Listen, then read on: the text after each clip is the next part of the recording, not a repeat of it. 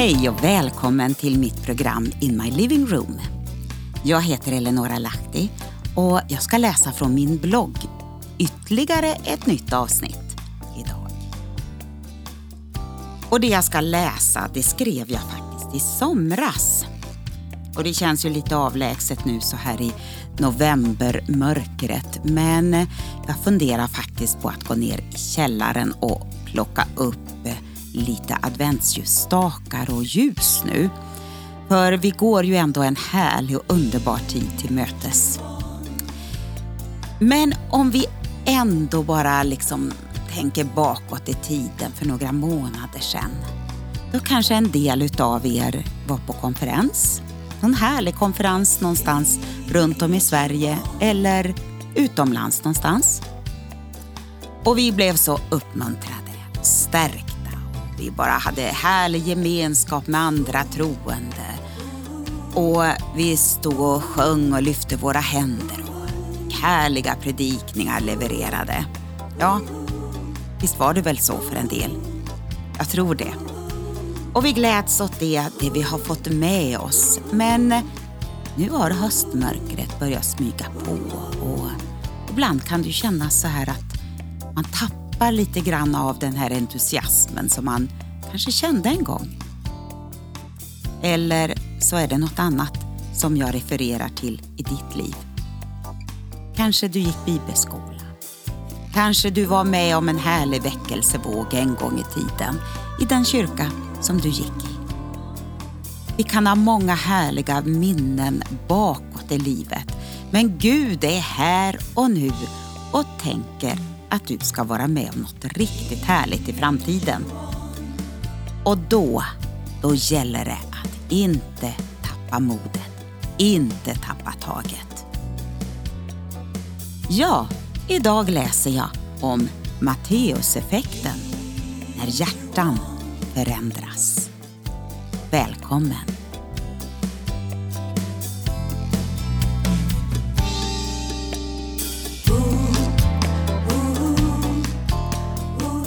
När jag för många år sedan studerade organisk kemi på universitetet, då läste jag om något som kallades för Matteuseffekten.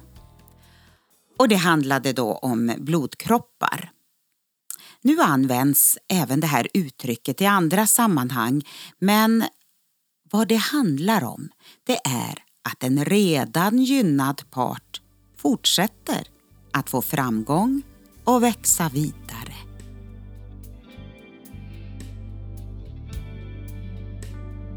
Var och en som har, han ska få och det i överflöd. Men den som inte har, från honom ska tas också det han har.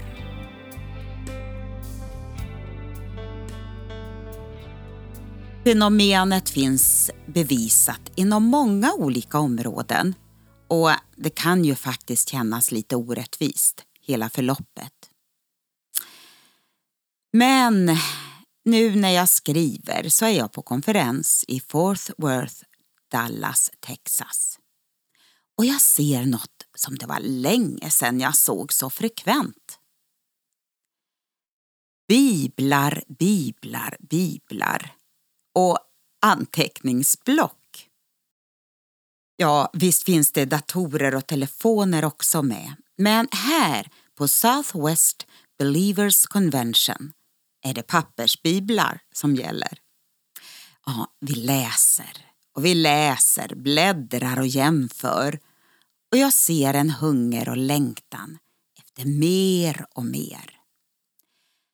Verktygen för vår trosvandring levereras till oss under denna vecka. Och nu, nu handlar det om att vi värderar och hörsammar. Det jag har av Guds ord i mig vill jag ska växa vidare och inte stagnera. Jesus sa ju faktiskt att man kan tappa det lilla man har. Det handlar om att göra ordet till ja, sitt eget och inte bara en allmän kunskap. Då är min egen bibel, som jag använder för att slå upp alla bibelställen, de är bra att ha med sig. Varför är Guds ord viktigt och uppskattas av en del kristna men för andra så känns det bara jobbigt och besvärligt. Allt som har med vår trosvandring att göra det är kopplat till våra hjärtan. Och i våra hjärtan behövs det utrymme för att ta emot. Finns det bland annat oförlåtelse där har Gud svårt att arbeta med oss. För han, han är kärlek. Uppenbarelse och förståelse av andliga ting, det kan man aldrig få del av i sitt intellekt. Du kommer i så fall även tappa det lilla du har.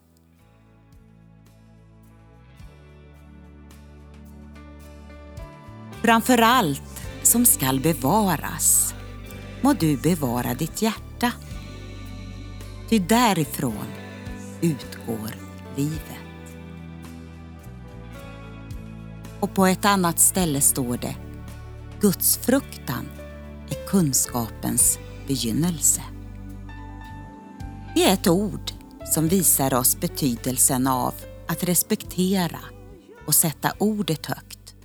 Det handlar inte om samfund, traditioner eller egna åsikter.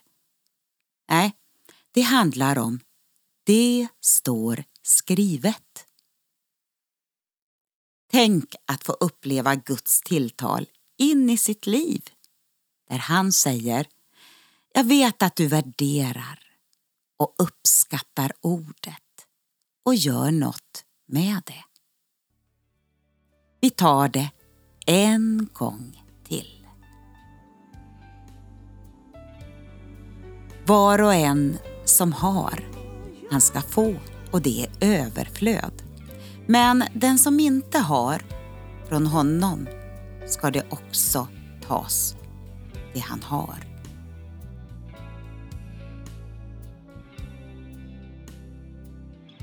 När hjärtat förändras, då ändras hörandet. Och tänk så mycket som kommer att hända. So, let's open up our Bibles.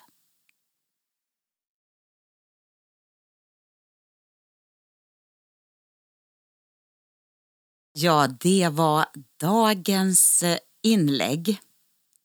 Och Den kallade jag alltså för Matteuseffekten när hjärtan förändras.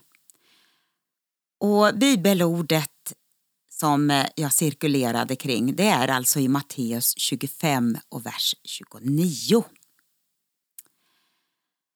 Ja, tänk att få höra Gud tala till oss och Tänk att få höra att han säger Du, Eleonora, jag vet att du värderar och uppskattar ordet och gör något med det.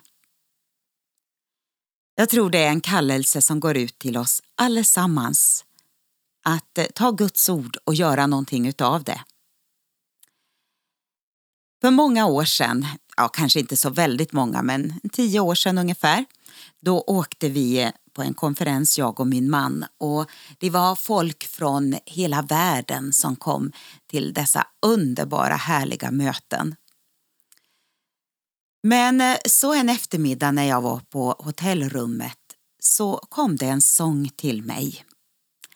I need to be hungry. Och jag såg bara det här att eh, vi kan åka land och rike runt, komma från olika världsdelar till och med och mötas för att ha gudstjänst. Mötas till konferenser, olika samlingar.